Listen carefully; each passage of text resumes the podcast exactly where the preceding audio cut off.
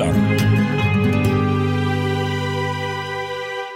Nej men Danne, det här känns inte bra, så jag tror inte på den här idén. Jo, fan, alla riktiga poddar har ju reklam. Andra kommer också vilja köpa reklam av oss sen. Ja, Det känns inte bra i magen. Ja, men nu är ni bara ängsliga. Nej, men alltså, Danne, den, det låter ju ganska dåligt också. Men vad fan, nu- vi provar. Vad fan, räntan är så hög och mjölken har blivit dyr. Ja, vi testar då. Programmet presenteras i samarbete med Tannes finska pastuprotein. Hitta sisun i dig och bli stark som en finsk björn. Tannes finska pastuprotein. Tillverkad av äkta finska bastulavar direkt från Finland. Smakar det inte lite skärt? Smakar sött redan i munnen. Beställ nu! Tannes finska pastuprotein. Alltså, jag tränar hela sommaren. Jag känner mig jättestark. Söpes persilo. Välkommen längst bak i bussen. Ja, där sitter vi. Välkommen längst bak i eh, buss eh, nummer 159 på väg mot eh, midnatt.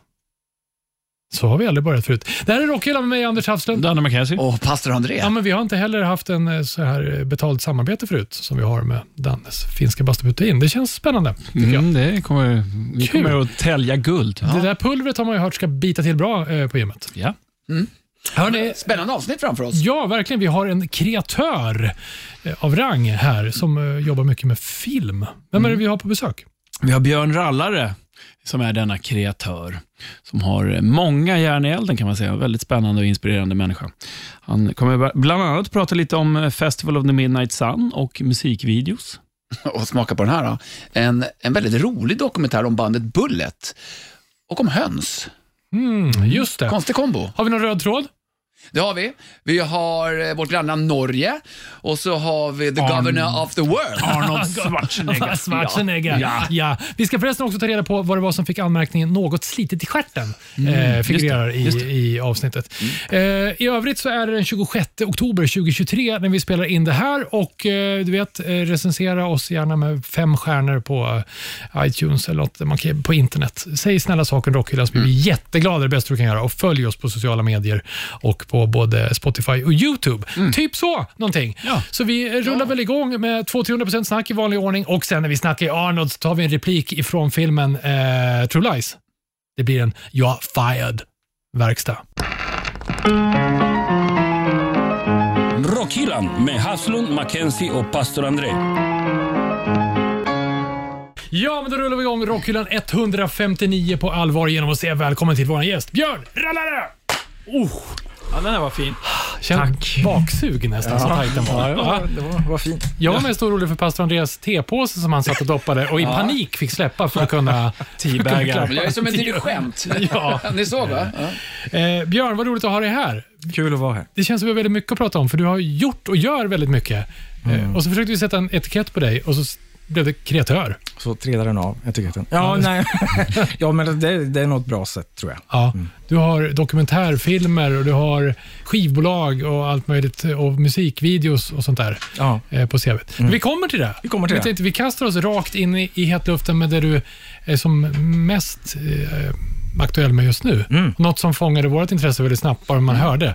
Eh, väldigt många känner till eh, Växjö rockbandet Bullet.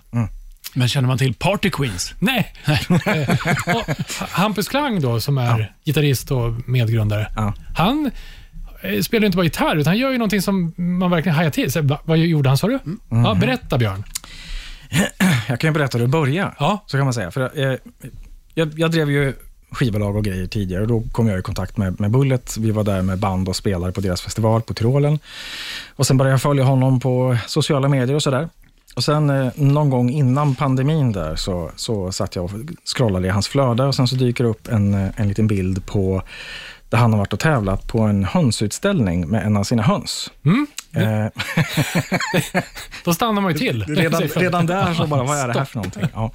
Och där så, då får man alltså, det fungerar ungefär som, någon av er kanske har varit på så här hundutställningar och sådär, man får Ja. så här scorecards och siffror och sådär. Och det Ja. funkar precis likadant med höns, där de får liksom bedömningar och siffror och sådär. Ja. Och då stod det bedömningen på hans hörna där var att den var något sliten i stjärten. Oj, oj, oj. Och, då, och då, då fastnar jag, att det här, det måste finnas mer till den här historien. Det betyget skulle man inte vilja ha om man var med i Mr Universum. Eh, så ja, Jaha, där börjar det. Okej, och då eh, ringde du Hampus och sa det här måste vi prata om. Jag, jag lägger ju sådana här saker bakom örat. Sen så kom det en pandemi som ställde till det lite grann. Och sen när det, när det började ordna upp sig sådär och alla började bli friska igen, så eh, hörde jag mig till honom och frågade, hej, vi på Havanna Produktion här, det är jag och Peder Karlsson från Backyard Babies och en kompis med som heter Niklas. Eh, vi skulle väldigt gärna vilja göra en dokumentär om, om, om dig och dina höns. Om, om det går bra." Slitna stjärtarna. Ja. Mm. Och han var väl lite, han var väl lite, han var, han var lite avvaktande i början och det kan man ju förstå. Mm. För att det skulle ju lätt kunna hamna i, i det läget där man är rädd för att någon skulle göra sig löjlig över en man och hans höns. Ja, ja visst. Men det ville vi absolut inte göra. Nej. Eh, Utan vi, sa, vi ville lyfta fram hur fint vi tycker det är. Att det är, så, det är så härligt att du har hittat lyckan i två så enormt olika världar. För att stå, stå på scen och spela hårdrock eller vara den enda killen i skinnpaj på en hönsutställning. det, är, det är ganska Det är olika. helt underbart. Ja. Eh, och sen så eh, pratade jag med honom där, så hörde han ju att Peder Peder var med eftersom de har spelat eh, eh, tillsammans och träffat på varandra, så kände han sig lite tryggare. Och när han såg att jag hade tatuering i ansiktet sa han, då var det helt okej. Då måste jag vara en person som går att lita på. Ja, självklart. Så resonerar de flesta. Hade, hade du däremot jobbat på bank och han hade kommit in, då vet man inte. nej, nej, det hade inte funkat. Nej. Nej. så så började det. Ja. Men, eh, och det här är filmen då, eh, fokuserar ni mer på det hans ha- seriösa hobby än på rockbandet antar jag? Då. Man skulle kunna säga att man, man, man, man gifter de två världarna. Mhm. För att även om de utifrån sett kan verka ganska olika, Mm. Och eftersom det är Hampus, världens härligaste, mest stilsäkra människa i mitten av det här, Mm. Så är han precis likadan när han, när han skriver musik eller om det ska vara rätt ljusskylt eller rätt skinnpaj eller rätt eh, gitarr eller vad det nu är på scen. Mm. Eller har- rätt, rätt fjäderdräkt på hönsen. Precis. Ja, just det. Och det han, samma. Mm. ja, och Hampus hörna ska ju vara väldigt speciell. Eh, han, han, hans Party Queen som han håller på att ta fram, då, hans egen ras, Mm. den ska ju, det är ju en svart hörna såklart. Ja, såklart. Jag tänkte nästan det. Ja. svart hörna med nakenhals och en stor sån puderfrilla på toppen. En plym. Wow! Ja. Alltså lite punk. Eh, Ja, det, ja, jag vet inte. Nej, Någon sorts hårdrockshörna är det ju. Alltså. Så han, ja, alltså han som döper dem till Party Queen. Ja, det är hans ras. Målet är att ta den här rasen i mål och få den godkänd där ute i världen så att man Ja. kan odla egna. Men då har han alltså fött Odla, upp, föda upp. han har fött upp och blandat raser då, så Ja, för att få, precis. ihop det tills... Det där är en hel Ja, vetenskap. det måste det ju vara. Hur man korsar och sen så Ja. börjar man korsa, sen så kanske de inte alls blir så bra. Ja. Eh, och då får man börja om. Och så kommer räven. Mm. Och så får man börja om igen. Och så vidare. Alltså det här är ett väldigt obekant ämne ska jag säga. Alltså, Det var det för mig med innan, Ja. kan jag säga. hur grottade du ner dig i den här världen? alltså var började du? Vi, alltså, vi har ju varit nere och hälsat, vi har ju följt han på sitt år. Mm.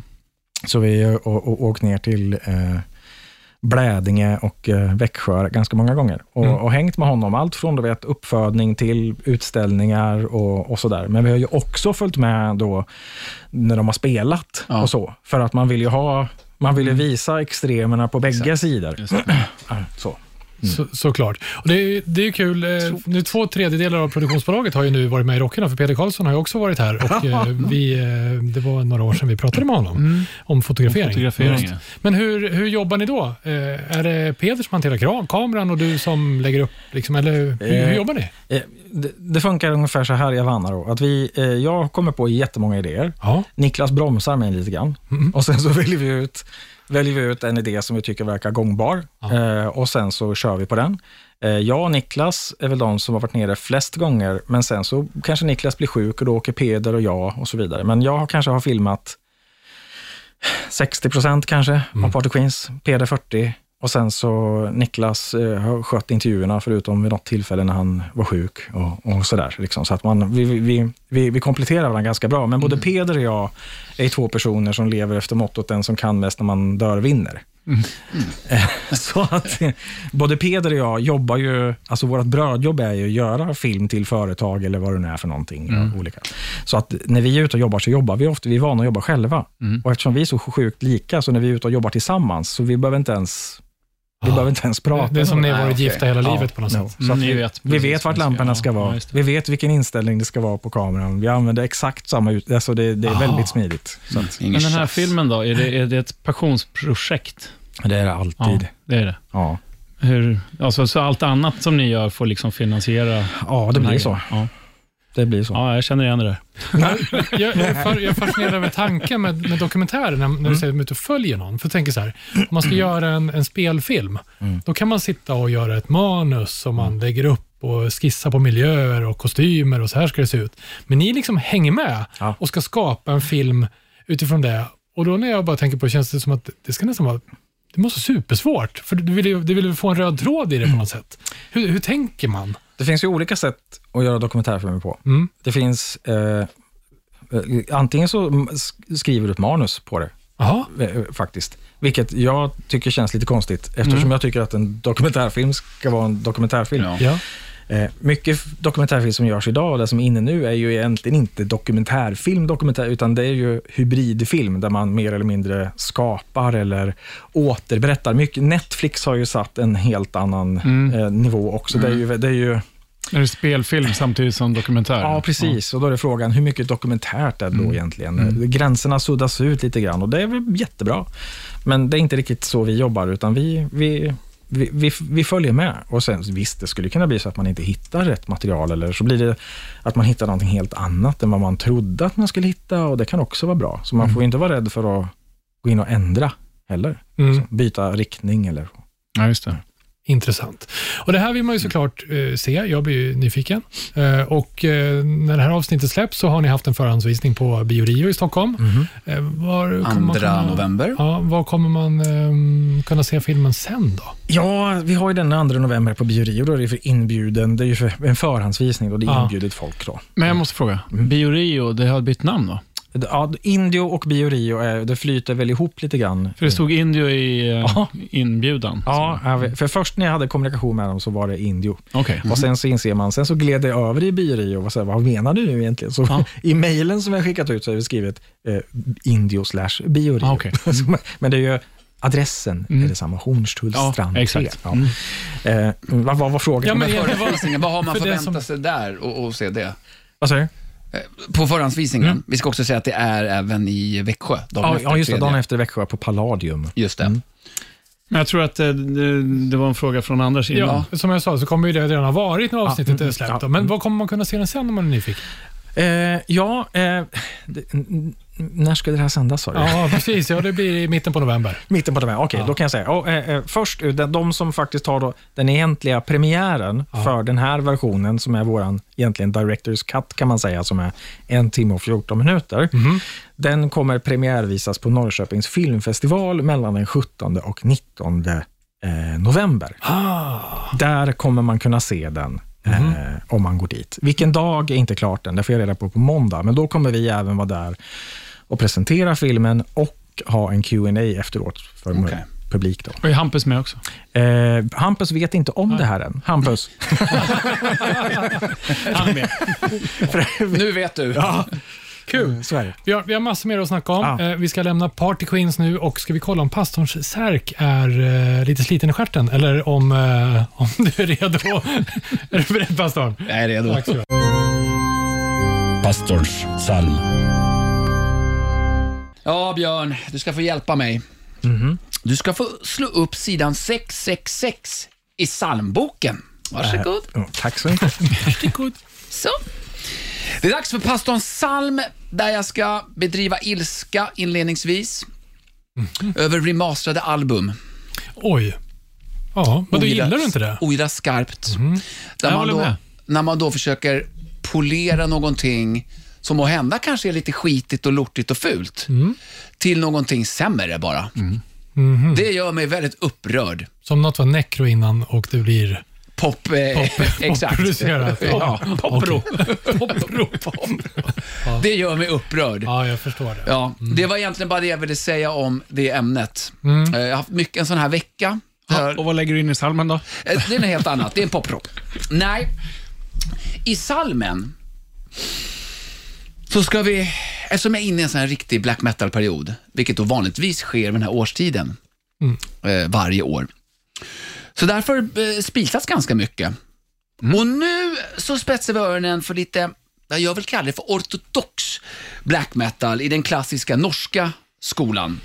Och vi ska backa bandet till 2006. Egentligen ska det här vara 90-tal, men det här albumet betyder mycket för mig. Så till 2006, och så låter vi oss omfamnas av ond, bråd, necro black metal.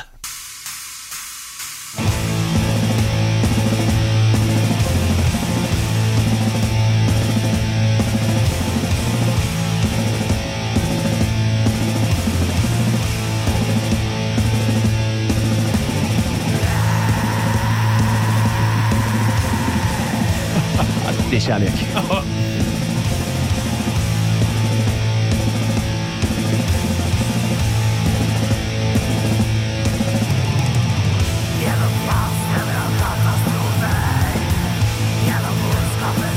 Och ja, de sjunger på norska.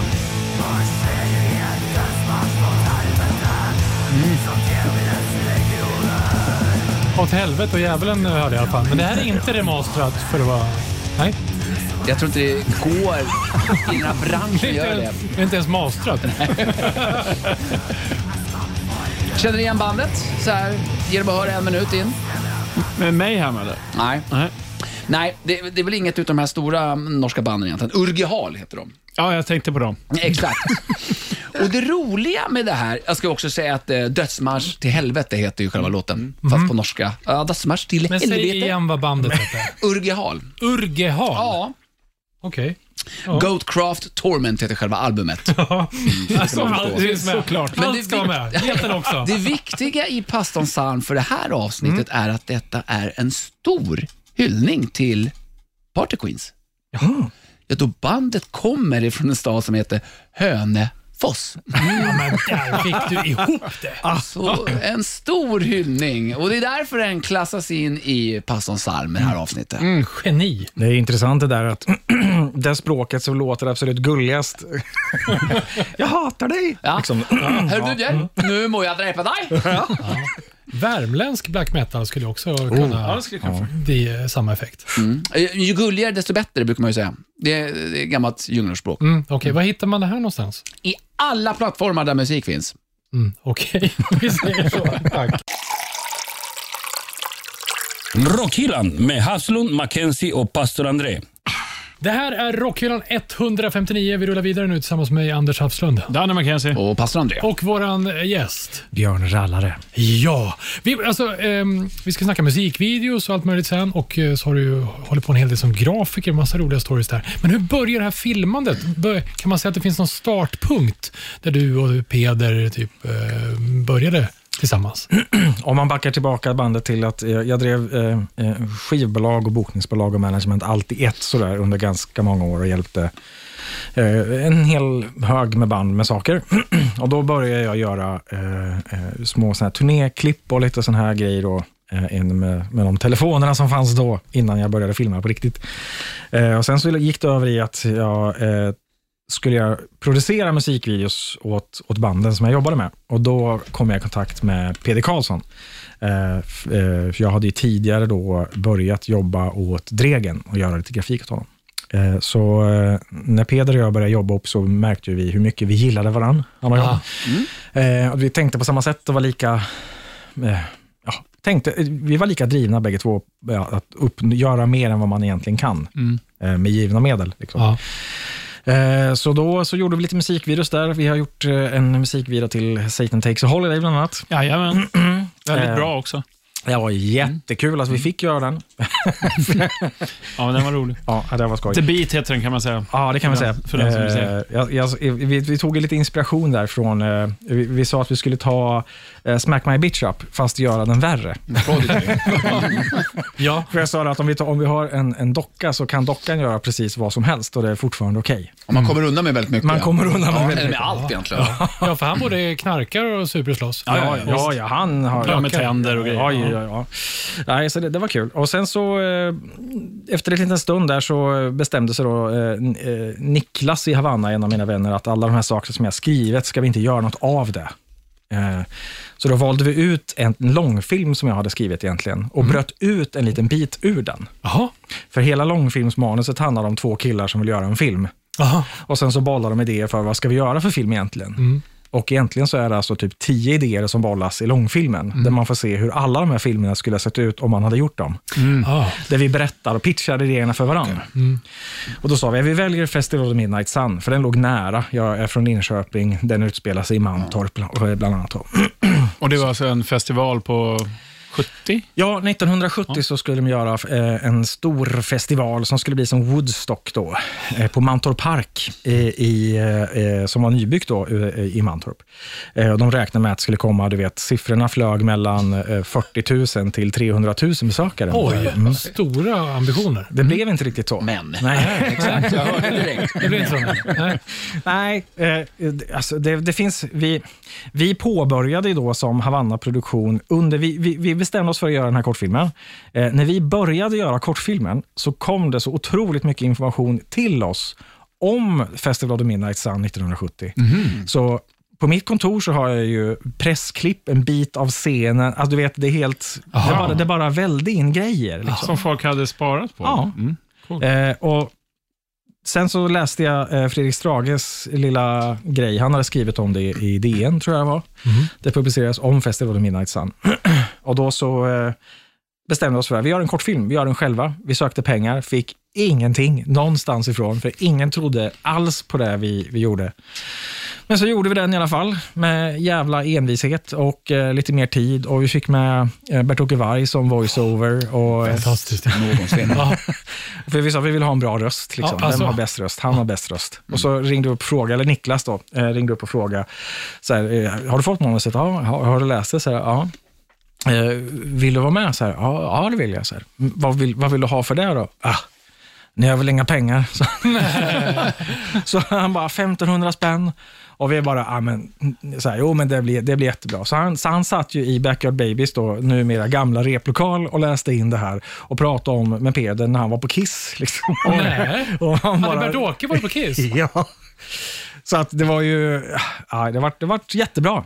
Och när, och när vi jobbar med festivalen, eller fes- med filmen, så kom det en, en kille kom i kontakt med mig som, som heter Mats Karlheim, som eh, så han stödköpte grejer ur rekvisitan. Så här, ja, men den där gamla husvagnen som ni hade, den, ja, jag köper den. Så här, bara för att han ville hjälpa Aha. oss Ja, just det. eh, och få den till stånd, så att säga. Och eh, ja, sen så sa han, vad fan ska vi inte göra festivalen igen?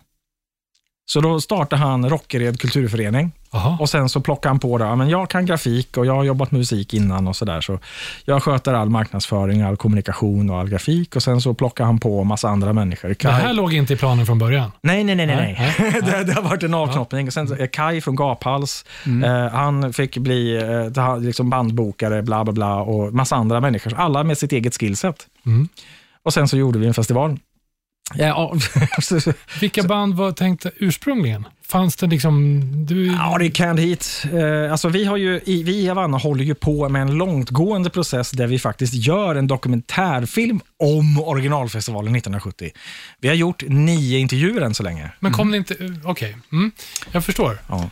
Så ni gjorde festivalen och en, eh, En kortfilm. Ja, Ja, inför. Ja. Inför och marknadsförde det samtidigt. Fick så jävla mycket press, så det är helt bananas. Ja, det var helt, helt oväntat. Och har man inte sett den här kortfilmen så tycker jag verkligen att man ska kolla upp den, för den är jättefin. den. Hur lyckades ni få med Danny McKenzie i filmen? Var inte var inte han väldigt svår? Ja, det var- det var dyrt. Det var dyrt. Ja, det var övertalning. Ja. Det var Ja, övertalning. ja, jag, jag betalar fortfarande. Ja. Du kan få ett bra erbjudande, eller en bra deal. Därför är du så sliten i... Ja. Jag skiter Det är så. Rullar vi. till, ja.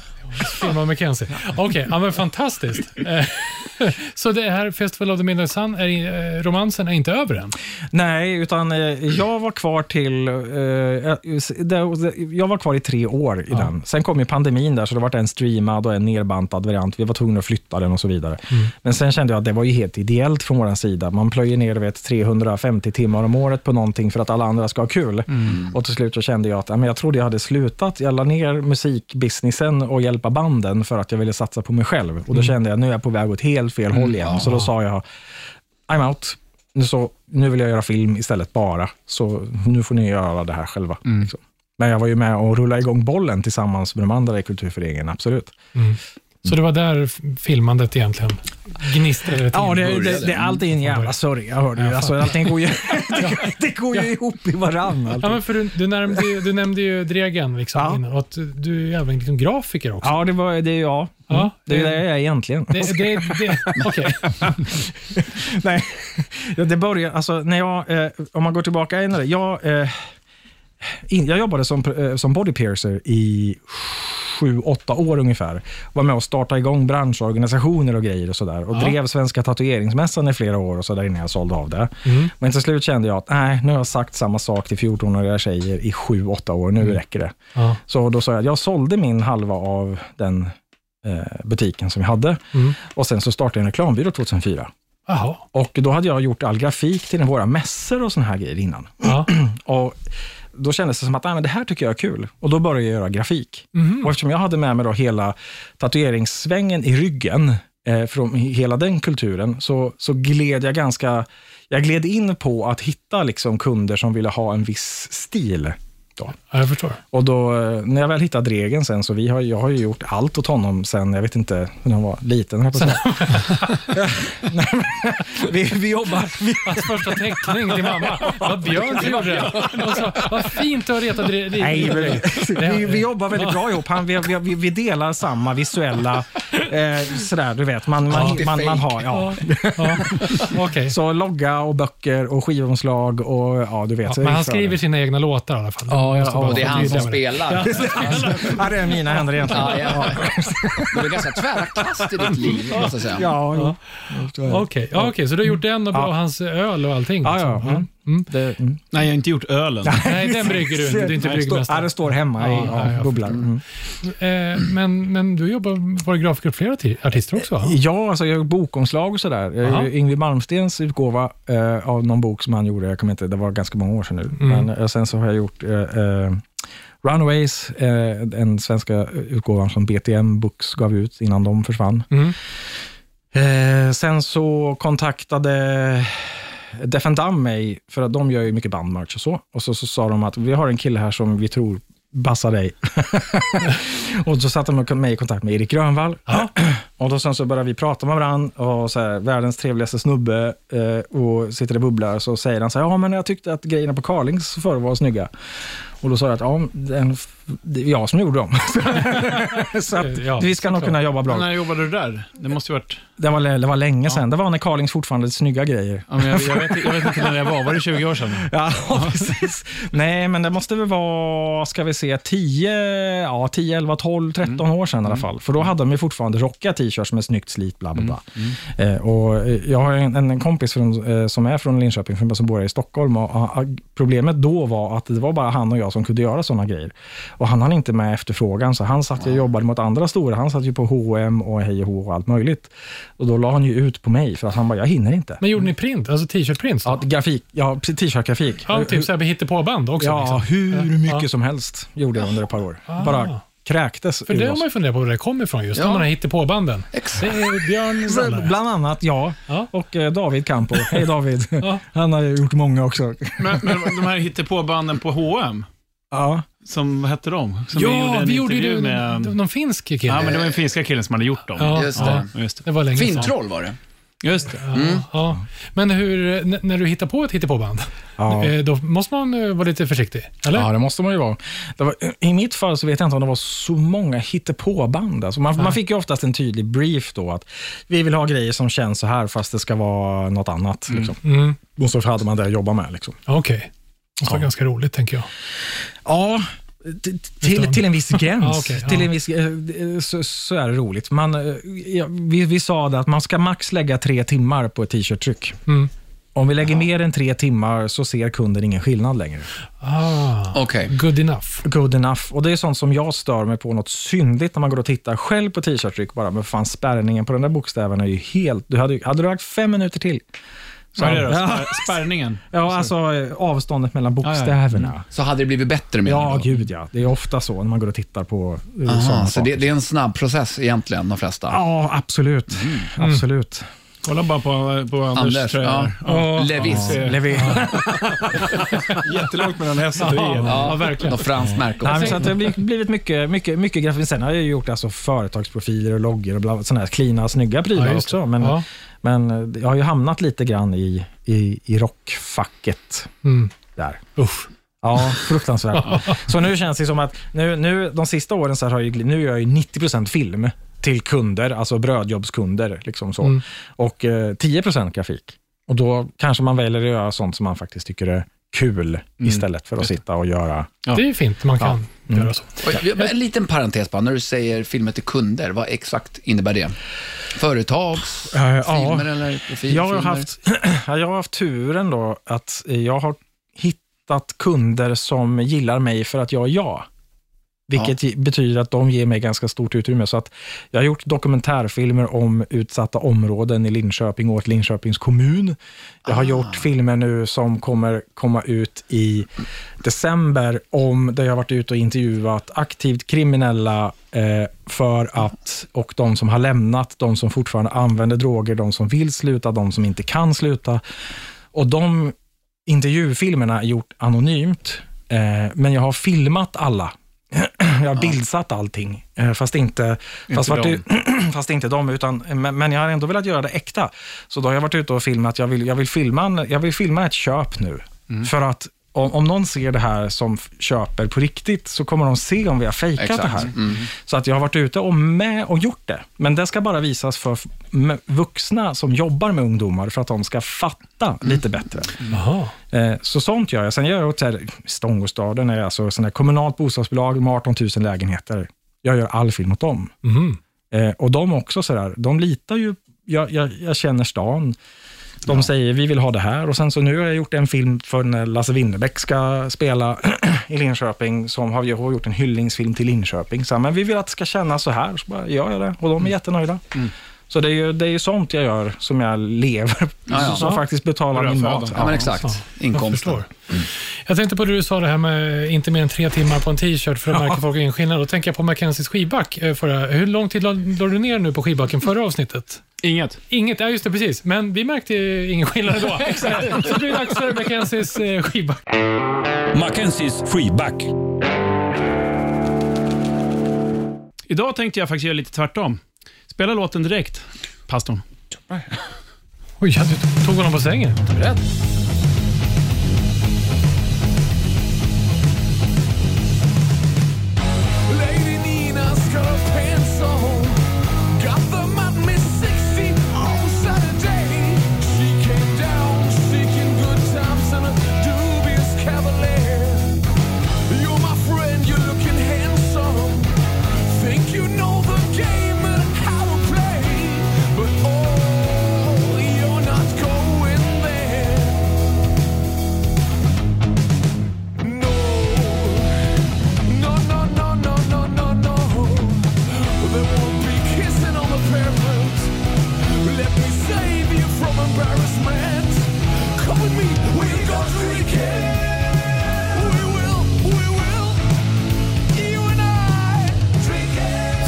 Fint va? Ja, Hör ni vad det är? man får lite Thin Ja, Lizzy-vibbar. eh, Exakt. Det är inte Thin Lizzy, men det är Nej, väldigt mycket... man får lite sådana vibbar. Men sen Ja. tänkte jag att det var svenskt. Ja, det, det är faktiskt norskt. Ja, det är Ja, det. det norskt. är på Är den. det Det är som norskt. Ur- Urgehall? Ja, tydligen. ja, det, det är, bara- det är B-sidan. Sjukt spretigt band. Eh, nej, men visst, det är norskt. Och det, jag har faktiskt spelat det här i, eh, i eh, min skivback en gång tidigare. Det är säkert fem år sedan eller någonting. Jaha. Eh, de heter Tulsa Doom, eller Thulsa Doom. Ja, det känner jag ju Och, bekant. ja, alltså namnet är ju taget från eh, Conan, eh, Conan Barbarian. Just det. barbar, barbaren, barberaren. Konan barberaren. Han Och det- rakade med svärd. Det- Ja, precis. Eh, han är alltså nemesis till konan, Ja. ja. Tulsa Doom. Och han, I filmen då, med Arnold Schwarzenegger så var det ju James Earl Jones som spelade Tulsa Doom. Jag gjorde Darth Vader-ljudet utan att tänka på det. Men det är så han låter. Ja. Jo, eh, bandet som sagt heter Tulsa Doom, norr, norrmän. Och, och alla har ju såna här fina namn då, som Papa Doom, eh, Fast Winston Doom. Bästa är Doom Perignon. Han är farsan i bandet. Det hör man ju direkt. Vad heter låten? Eh, låten, den heter så mycket som eh, Lady. Nina. Aha. Och finns med på en platta som heter A Keen Eye for the Obvious, som släpptes eh, 2017. Jag tror de släppte en platta senast nu, 2000, 2021. Ja, 21, precis. ja. Mm. Eh, och, Ambition Freedom. ja, väldigt bra band, måste jag säga. Och eh, kolla in det. Bra. Och det här är väl inte helt signifikativt för... Alltså det låter ju väldigt mycket Thin Lizzy där. Men det känns som att det är en eh, tribute till, till Thin Mm. Lizzy, för resten av skivan låter inte riktigt så här. Nej. Mm. Spännande. Ja, jävligt Ja, spännande. Tack ska du ha. Rockhyllan. Det låter som Bob Dylan. Ja, det gör det. Det här är Rockhyllan 159. Vi eh, rullar vidare i eh, kreation, nej, men kreationens tecken kan jag inte säga, för då, pratar vi, då tänker jag att vi har gjort fin- fina balklänningar. Det är väl typ det enda du inte jobbar med, vad du har berättat än så länge. Nej, inte än. Nej, det kommer. Jo då, ja, ja. Man vet På aldrig. ålderns Alltså. höst börjar Det du kanske sy kommer något. paljetter och glitter. Eh, Mycket Norge här. Har, har du någon norsk historia? Eller, ja. Ja, ja, alltså. En norsk anekdot kan jag dra fram tror jag. På riktigt? Ja, det kan jag faktiskt. Okej. Ja. Kör. Jag, eh, när jag jobbade med band då, så eh, ett av banden som jag jobbade med heter La Fleur Fatale. Mhm. Spelar så psykedelisk indie-pop, 60-70-tals doftande. Jag jobbade med dem, eh, det gick väl som bäst sådär 2008, 9, 10, 11 där tror jag. Ja. Vi var i USA, vi gjorde lite film med dem och sådär också, ett par svängar. Turnerade runt och spelade. De spelade med Strawberry Alarm Clock och massa sådana här gamla, Fantastiskt gamla coola gubbar Mm. som var populära på Billboardlistan när vi inte var födda än. Men i vilket fall, det här bandet i alla fall eh, fick en liten skjuts där. De var så här, man satt i TV4, så här, Nyhetsmorgon-soffan och sådär. Mm. Eh, och då så vart vi inbjudna med det bandet att spela på en norsk festival. Eh, uppe i Stord, som heter Stordfest. och där, det är ju otroligt fint, pittoreskt, det är vatten och eh, så, massa musik. Men sen så har de då även festival samtidigt då för fullriggare. Jaha, Så, alltså, eh, jättestora. jättestora segelbåtar eh, eh, i trä. Eh, så att eh, när vi pratade med dem, eller när jag pratade med dem, så var det lite grann så där att, så här, vill ni flyga upp eller vill ni segla upp? och vi bara, eh, vi, vi seglar då. det lät ju mycket roligare. Från östkusten och sen Nej, runda då? Eller? vi, vi, vi seglade då från Oslo och sen Ah. upp med kusten hela bättre. vägen upp Ah, till. Stord. då. Mm. Hur lång tid Jag tänkte från Det tog Linköping. två dagar om jag inte minns helt fel. Och så fick man då, delade man upp oss i lag då, så att man fick jobba liksom, då, och hjälpa till. Och klättra i master och, och allt sånt där. Och jag kommer ihåg... Och jaga val. Vad sa du? Och jaga och jaga var harpun, ja. Moby Dick. Nej, så jag kommer ihåg på midsommarafton det året, vilket år det kan ha varit, kan ha varit 11 kanske? Jag är lite oklar, oklar där, men eh, så kommer jag ihåg på midsommaraftonsnatten klockan 12 så var mitt pass att stå och styra Wow. båten på Wow. öppet hav. Eh, och jag, hade jag inte sk- skägg innan det, liksom. ja, det var fantastiskt coolt. Ja, eh, vad häftigt. så, och faktum är att nu är vi är på gränsen till att vara för unga för att plocka upp det här, men det fanns en gammal tv-serie som hette Onedinlinjen. Den båten var det. Är det sant? Ja! Wow. Christian Radic hette den. Den båten. Så det är samma båt som var med Onedinlinjen var det som jag seglade på öppet hav på midsommarafton. Oh. Alltså vilken eh, bucket list-grej. Ja, och det är ju det är ju sådär, du vet, eh, man jobbar med band, man tjänar inga pengar alls. Nej. Eh, Det var fantastiskt kul och jag har gjort saker som man alltid kommer bära med sig, men jag får en skitdålig pension. Ja, det är Ja, så. ja. Eller, en, glad, en glad pensionär, Ja. kanske. Minnen väger mer än pengar. Ja, men eh, det var ju något som gick bra. Vi tycker ju alltid kul att fråga när något gick dåligt. Har du något sånt där eh, när det höll på att gå på arslet? Men, Ja. Norge. ja, vi Norge. Jag, kan, jag kan inte Norge. klämma in Norge tror jag. Möjligt, ja det kanske. Det är Monolord. Eh, Jaha. Jag gjorde en musikvideo till dem för fem år sedan snart.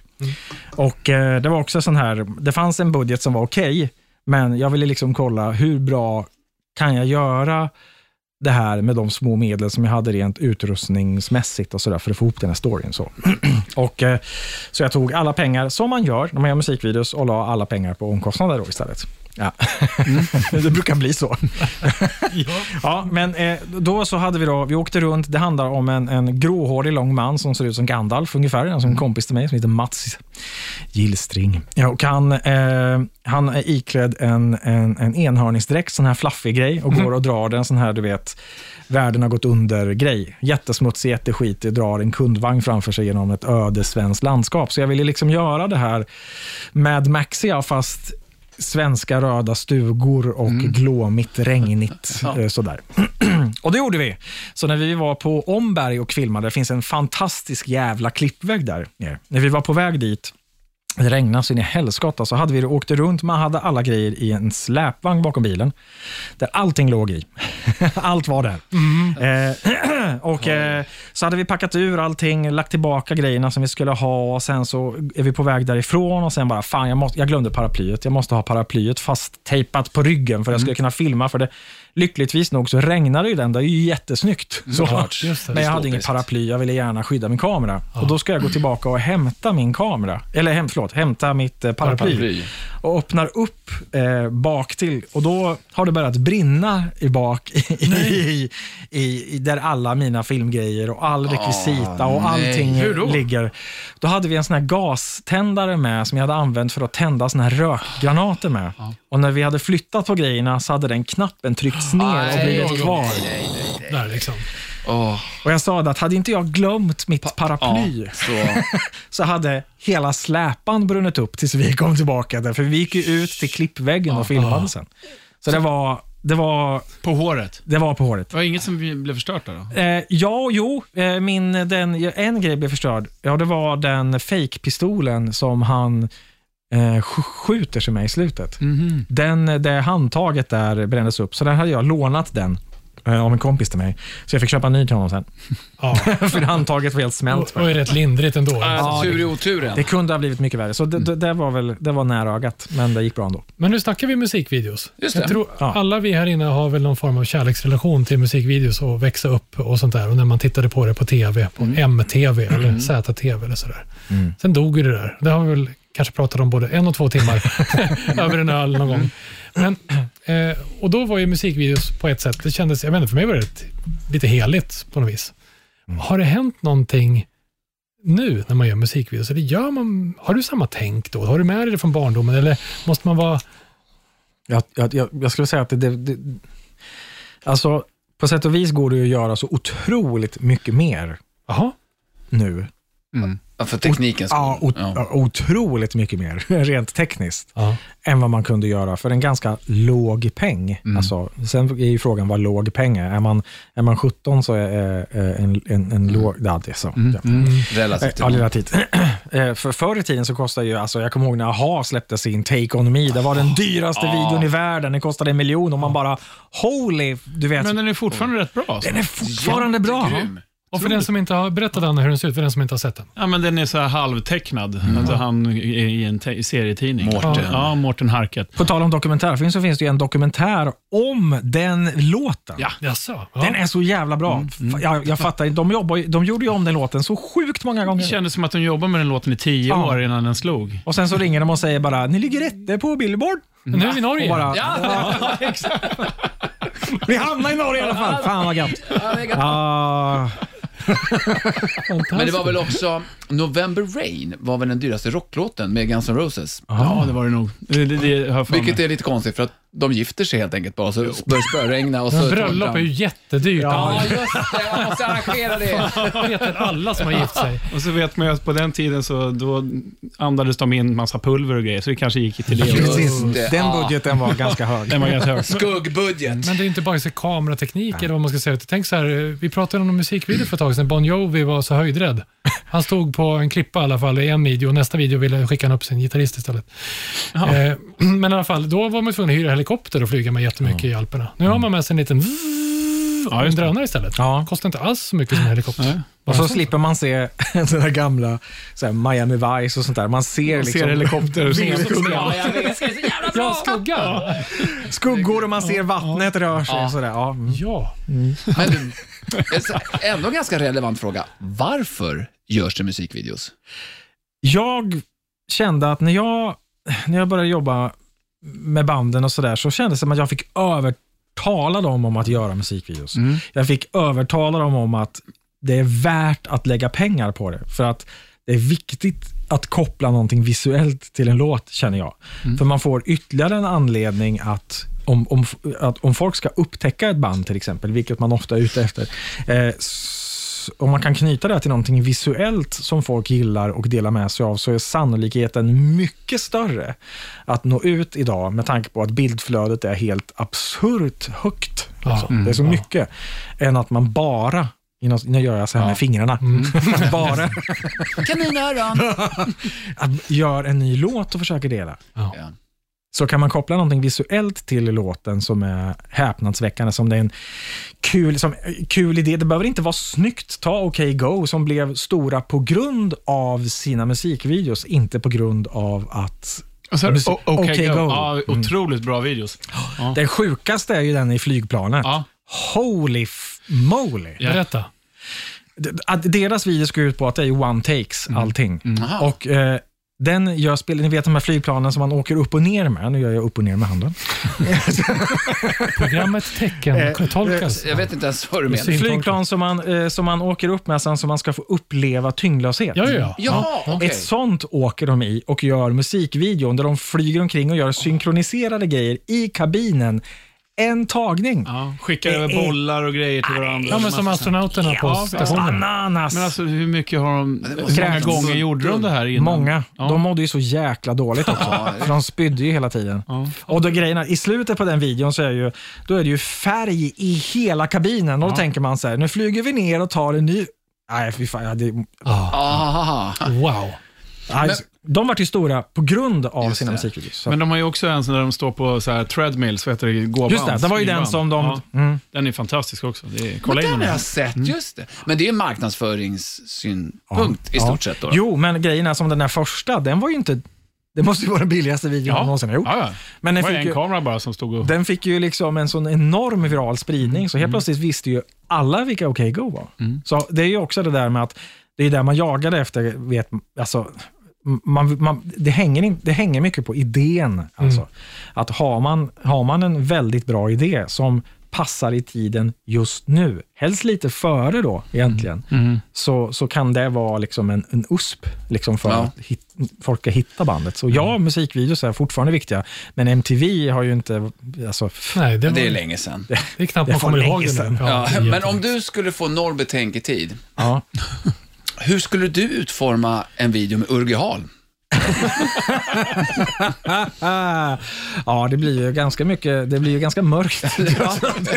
Natt, nattfilmning. Nattfilmning, mycket skog. Ja. Ja. Mm. Ja. Eh, Jag upplever själv, om man ska gå in i rockens värld, ofta är det ju alltid att man filmar bandet som står och spelar på någon häpnadsväckande plats. En slagghög och så ska det brinna. Och det är det. Mm. Det är oftast det det handlar Ja, om. ja, det är oftast, det, det, det hänger mycket på, ska jag säga, dålig fantasi hos de som, som gör det. Mm. Samtidigt, samtidigt som det är, det här är liksom standard 1A. Exakt. Det kan vara jättefint, det är coola Ja. vinklar, det är coola kläder, lite eld, lite is och så här. Men i stort sett står rakt upp och ner och spelar. Ja. Jo, men man kan ju göra det visuellt slående. Alltså om man går in i och, och liksom... jag har ju en annan kompis till mig som håller på med musikvideos. Det är Claudio Marino. Bekant kompis. Ja. Eh, som, som går åt det hållet istället. Där det ska vara visuellt slående. Liksom med så. Och så, man kan jobba så också. Mm. Det är kanske lite mer intressant att titta på eh, egentligen. Ja, det gäller att hitta och sticka ut i bruset Ja. på något sätt. Kul att orda om eh, både nytt och jag var lite nostalgisk också. Speciellt med Aha. Ja, det finns många bra videos. Ja. Hörrni, eh, vi ska rulla vidare och det blir faktiskt lite rörligt eh, material i Anders albumspår. Oj. Anders albumspår. Hörrni, efter att eh, vi gick hem härifrån förra gången så slutade det med att jag och Danne och mina grabbar Skedade. hamnade i... i eh, nej. Nej. Vi hamnade i en biosoffa Ja, det gjorde du. hemma hos mig och tittade på film. Vi är inne i en djup period med ett visst tema och vi snackade ju Lämna redan. mig utanför. Ja, ja, ja, det är ni som är... hemma hos Havslunds Ja. Mm. är ju tillbaka i tonårsrummet på den tiden man hade den här mannen på väggarna med de stora musklerna och den fina dialekten. Ja. Ja, alltså, eh, vi ska ta oss tillbaka till 1993. Han eh, spelar eh, actionhjälten Jack Slater. Tänk er ett pojk, pojken i er sitter på biografen och har den där magiska biljetten och kan kliva in genom bioduken. Gåshud. Ja, det är en parodifilm. ja. Man får gåshud när Arnold Schwarzenegger tar ledarkostymen på sig. Det är ett bra soundtrack till den här. Alltså vi har, det är liksom Alice in Chains, det är Megadeth, det är eh, Aerosmith, Queensryche och sen en, en låt som, som det här bandet som inte alls är okänt för någon eh, släppte bara till The Last Action Hero. Big Gun heter den såklart. eh, och det är ACDC, eh, kanske jag inte behöver säga. Rolig musikvideo, för här är ju då Arnold i sitt, eh, I sitt esse. i sitt esse som Jack Slater. Han står i publiken först, tittar på när eh, ACDC rockar på scenen. Sen kommer han upp och på slutet så klär han till och med på sig Angus-kläder. Just det. Ja, Så var det. eh, och rockar som ett gigantiskt barn. Alltså Arnold, det är ju inte första musikvideon han är med i. Nej. För redan 91 var han ju med i Terminator 2. Ja. Could Be Just det. Mine. Ja, Just det. exakt. När han var hård, också går i publikhavet. Det är faktiskt en ganska bra ACDC-låt också. Ja, det är det. Ja, det, är det. Det låter som AC. det låter som ACDC. Så är det. Det är därför vi älskar dem. Men det slog mig när vi satt och kollade på den här filmen Ja, att det är väldigt lite av musiken på soundtracket som är med i filmen. Alltså man, man, det är väl bara brottstycken av Ja, låtar. jo, så är det Det är ju. inte så här att man fick någon feeling för Nej, det är ju ingen musikal. Nej, det, det hade varit roligt i och för sig. Nej, du, du, har, du har en poäng. Ja, men det är som Sweeney Todd. Ja. Nej, men det kunde ju ha varit lite längre bitar. Ja, ja. Arnold, det är en Men det är- ju roligt. Nej, men vi är inne i en djup Arnold-period. Eh, Bra. jag Det hade- tycker jag alltid man ska Ja, vara. det tycker jag också. Och förra helgen, eller helgen innan, så såg vi ju True Lies. Den är ju bättre. Ja, det är Den är ju... Det är så eh, när Total Recall eh, ligger på... Ja, men den är bra. Den är lite hårdare också. Ja, Det är precis. allvar. Då skruvar vi upp det. Sen blir Ja. det kommando. Ja. Kanske. Ja, då går det ut för det. Red Heat. Oj, Ja. vänta, Red Ja, Heat. Red Heat och Kommando, de kom ganska... Man gick och hyrde dem på video. Ja. Tidiga-. Det finns någon mer där. Arnold, Ja. eller hur? Mhm. Ja. Men vi pratar ju film, så jag ska såklart lägga upp det här i Rockhyllans Spotify-följ där nu. Följ Rockhyllan på Spotify och så har vi YouTube, eh, Rockhyllans videoplaylist. Där ligger alla våra programpunkter. Eftersom ingen av andra, er andra var ambitiös nog att säga det. Så lägger också upp eh, filmen med ja, Arnold. Ja, självklart. Hela filmen lägger upp. Nej, men såklart musikvideon. Men jag, jag, vi pratar ju film eh, och här kliver man ju in i en film. Just det. Finns det någon film ni skulle vilja kliva in i? Indiana Jones. Danne! Oj! Ja. Jag har döpt min äldsta son efter en Indiana Jones-film. Alltså, Mm. heter han, Crusade? Heter, han heter Junior, Ja, Junior. Ja, Ja, Junior. så varje gång. för han Just kallar det. en Junior. Han ju där. Så Ah. därifrån fick jag idén till Så han brukar säga då, don't call me junior också. Ja, just det. Som indier. Short round har han också va? Ja, short round. Men vilken bra eh, ställd fråga där, Anders. Och svårt, och svårt Ja, att men svara alltså, på. jag tänkte först ja, sen nej. Tänkte jag, för när alla bra filmer är ju livsfarliga Ja, exakt. Du kan ju för fan inte kliva in i It. Man kan inte, man kan inte kliva in i Terminator. Du kan inte kliva in i någon krigsfilm. Om man Det är bäst att stanna hemma. Bambi. Bambi. Vuxenfilm. Ja, ja. ja. Det Där, kan man, där, där kliver man ju in så att säga ändå. Ja, Kliver på. Ja, nu ballar ni ut. ja usch. Tycker jag. Ah, det är Nej. gott. Vi ber om ursäkt. Ja, Anders, ta vi tillbaka, kommer tillbaka frågan. till Last Action Hero och favoritkaraktären Leo the Fart. Det är ändå bäst. Han är full av gas. Se filmen om du inte har gjort det, från 93. Så går vi vidare i livet. Rockhyllan. Rockhyllan 159 närmar sig sitt slut med mig, Anders Hafslund. Danne Mackenzie. Och pastor André. Och vår gäst, Björnräddare. Björn. Ja. Vad händer nu då i framtiden? Vi har pratat om så mycket coola grejer som du har gjort. Eh, eller ett axplock av Ja. i alla fall. Ja. Vad, vad har du för planer framåt? Eh, ja, alltså dels, dels så finns det väl filmer man vill göra såklart. Ja. Eh, massa olika saker. Men eh, jag har bestämt mig för att prova på någonting nytt som jag inte har gjort. Mhm. Ja, eh, Charlie Granberg, en god vän till mig, eh, som också var med i, eh, de spelade ju Canned Heat i Festival of Midnight Sun, hela bandet där. Och de? Hälsingland Hälsingland Underground, han som har målat den där helikoptern. Helicopters, Ah, okej. Eyes of Oblivion. Charlie. Ah, Eyes of, just det. Eh, och eh, han, han brukar säga så här, har jag för mig, du får väl messa mig på Facebook om jag har fel, eh, att eh, det där har jag aldrig provat förut, så det kan jag säkert. Mm, det är en Pippi Långstrump. Pippi Långstrump-grejen. Ja. Mm. Och det där eh, det går ju lite hand i hand med det här som, eh, som Peder och jag säger, att den som kan mest om man dör vinner. så här är det, när jag var 20 någonting, 20, eh, så eh, var jag arbetslös ett halvår. Man gjorde sådana ALU-projekt då, ni vet, man gjorde, jag jobbade på något museum ett år, jag byggde ett café ett annat, men så var det ett halvår jag inte gjorde någonting. Eh, Så då bestämde jag för att jag ska skriva. jag ska skriva en, någonting. Så jag, jag tillbringar sex månader med att skriva en bok. Eh, Som jag här, redigerade med hjälp av en, en kvinna som var dramalärare, som jag kommer ihåg då kändes gammal. Ja. Kommer jag ihåg. Och nu när jag tänkte efter, nu är det 30 år sedan, så började jag räkna bakåt och insåg att hon är, var då alltså fyra år yngre än vad jag är nu. Mycket märkligt. Ja, lite ja. ja. Men i alla fall, så då tänkte jag, men då tänkte jag så här, för jag skickade iväg den till förlag och så här och jag blev ju refuserad såklart. Eh, för att eh, det var ju det första jag skrivit. Hallå. Eh, men så bestämmer jag för att jag ska skriva när jag blir lite äldre istället. Det blir bra, för då har jag levt mer och kan liksom få in mer i texten. Så nu känner jag att nu har jag levt lite grann. Så jag bestämde mig för att jag ska, skriva nu. Så jag har tagit en av mina manusidéer som jag hade och skrivit en bok. Åh, vad, Okej. vad, blir- vad är det för typ av eh, genre? Ehm, jag skulle vilja säga att det är någon mix av flera faktiskt. Mm. Ehm, men ehm, jag vet inte hur mycket jag vill avslöja, men jag, bör, jag, börja, jag började med att det ska bli en bok och det kommer bli en bok också. Ja. Eh, Det kommer det bli. Eh, Men jag har hittat kanske andra vägar till att presentera den här boken för omvärlden på. Åh, den idén vill du inte att någon ska sno, kände jag nu. Nej, Nej. det vill jag inte. Därför du skruvar lite på det. För, den här, för jag har aldrig sett det gjorts på det här sättet. Aha. Så så kommer jag nog göra istället. Men jag har börjat, eh, har jag tur så gör jag det på under ett år. Men all tid som jag sitter på kontoret där jag inte har någonting att göra, skriver jag. All tid när barnen har somnat skriver jag. På tåget hit skriver jag. På tåget hem skriver jag.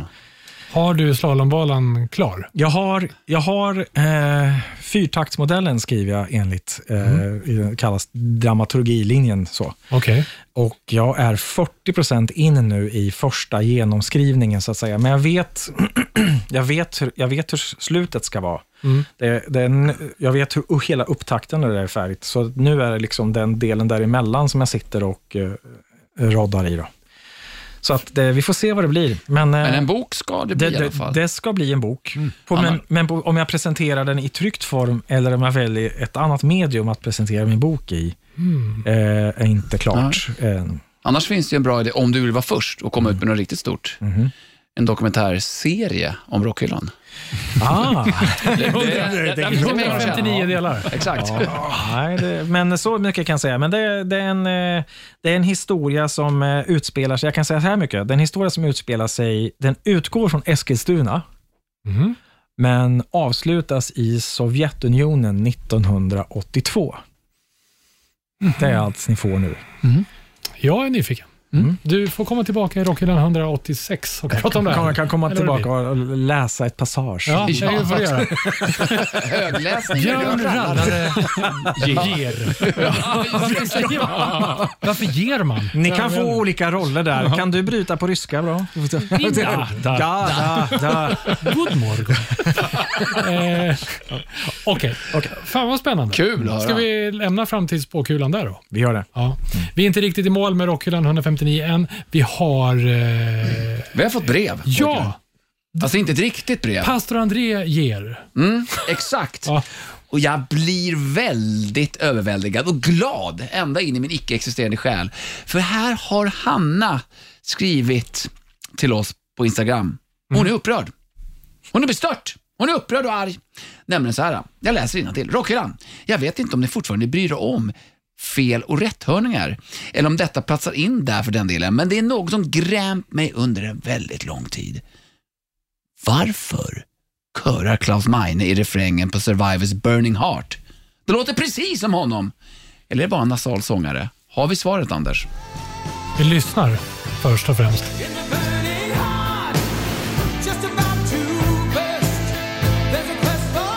Det var just i Burning Heart så kan man höra en körsångare. Jag backar igen. Jag tar det en gång till. Ja. Nu. Ja, i bakgrunden där ja. Mm. Mhm. Långt bak. Långt bak. Är det alltså Klaus Meine? Är det, är det, det är själva frågan? Han är ju då eh, sångare i Scorpions. Ja, det Vår- stämmer. Vår favoritaccent är Scorpions, faktiskt ja. tysk. Eh, det är också någon form av fetisch som vi har på rockhyllan. Eh, alltså, och så får vi inte blanda ihop, det här är från Rocky eh, 4 eh, och det är ju då eh, Survivor som vi sa som gör det. De gjorde ju Eye of the Tiger. Mm. Då var det en annan sångare eh, som eh, hette Dave Bickner.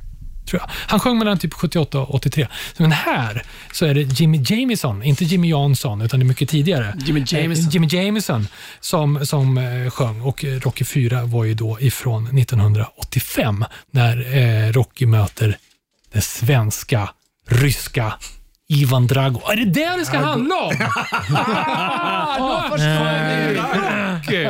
Ja, men kul Björn.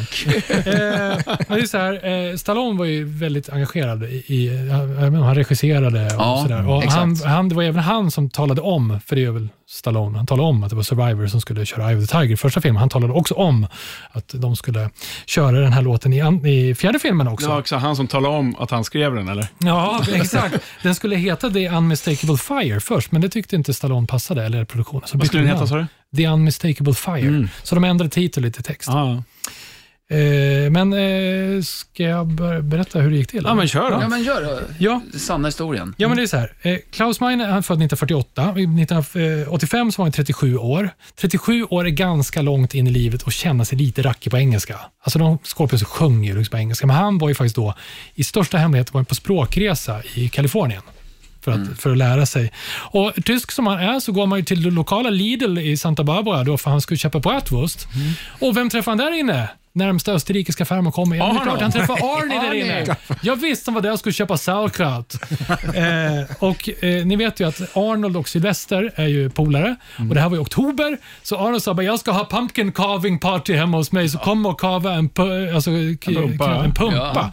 Ja, fast Arnold hade ju bara köpt två pumper, så att det betydde att eh, Klaus och Sylvester fick ju då eh, karva en pumpa Ja. tillsammans. Och ni Ja. vet, så, här, så blev det så här som på film, blickarna, de tittar lite för länge på varandra i ögonen. Det är så här. Och då slinter ju Sylvester och skär eh, Klaus i handen. Och då hör han ju hans, stäm- bah! Det är hans nasala stämma. Och han sa, I've got a job for you. Eh, då. Så att han sa ju då, du ska ju fan köra på Survivors. Så lite tillbaka-kaka för att han spar honom. Ja. Så att, eh, Stämmer det, inte, så du därför får med så, in i ja, så han sa, den här ska vi ha med då. Så var det. Så var det. Så han, Ja, men- han hade rätt. Ja, Det, Ja. det är Klaus. Men sen, det, det där är ju en version på det hela. Just det, jag så har ju den, rätta sanna- versionen. den Den, andra sanna sanna. versionen. Ja. Jaha. Frågan är ju, varför körar Klaus Meine i refrängerna på Burning Heart? Ja. Ja, så här. Är det. Var ju egentligen så att Klaus och Jimmy Johnson skulle sjunga en duett på hela den här låten. Ja, okej. Ja, visst.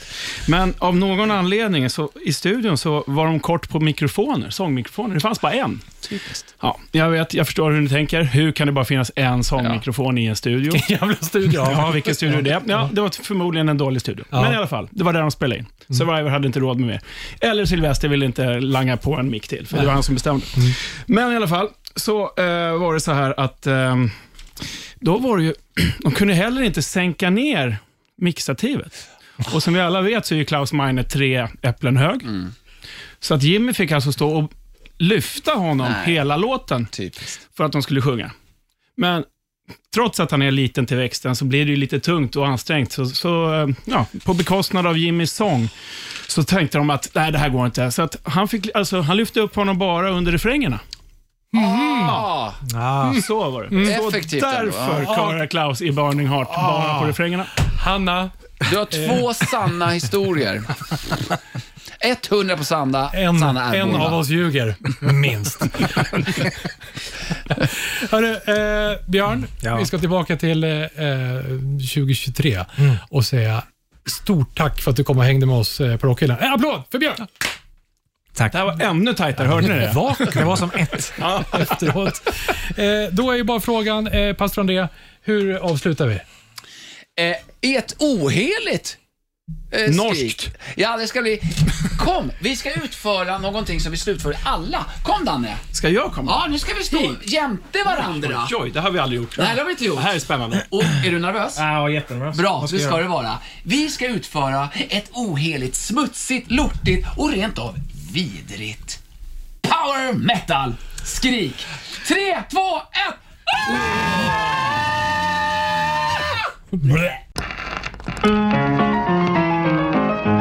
Rockhyllan med Haslund, Mackenzie och pastor André.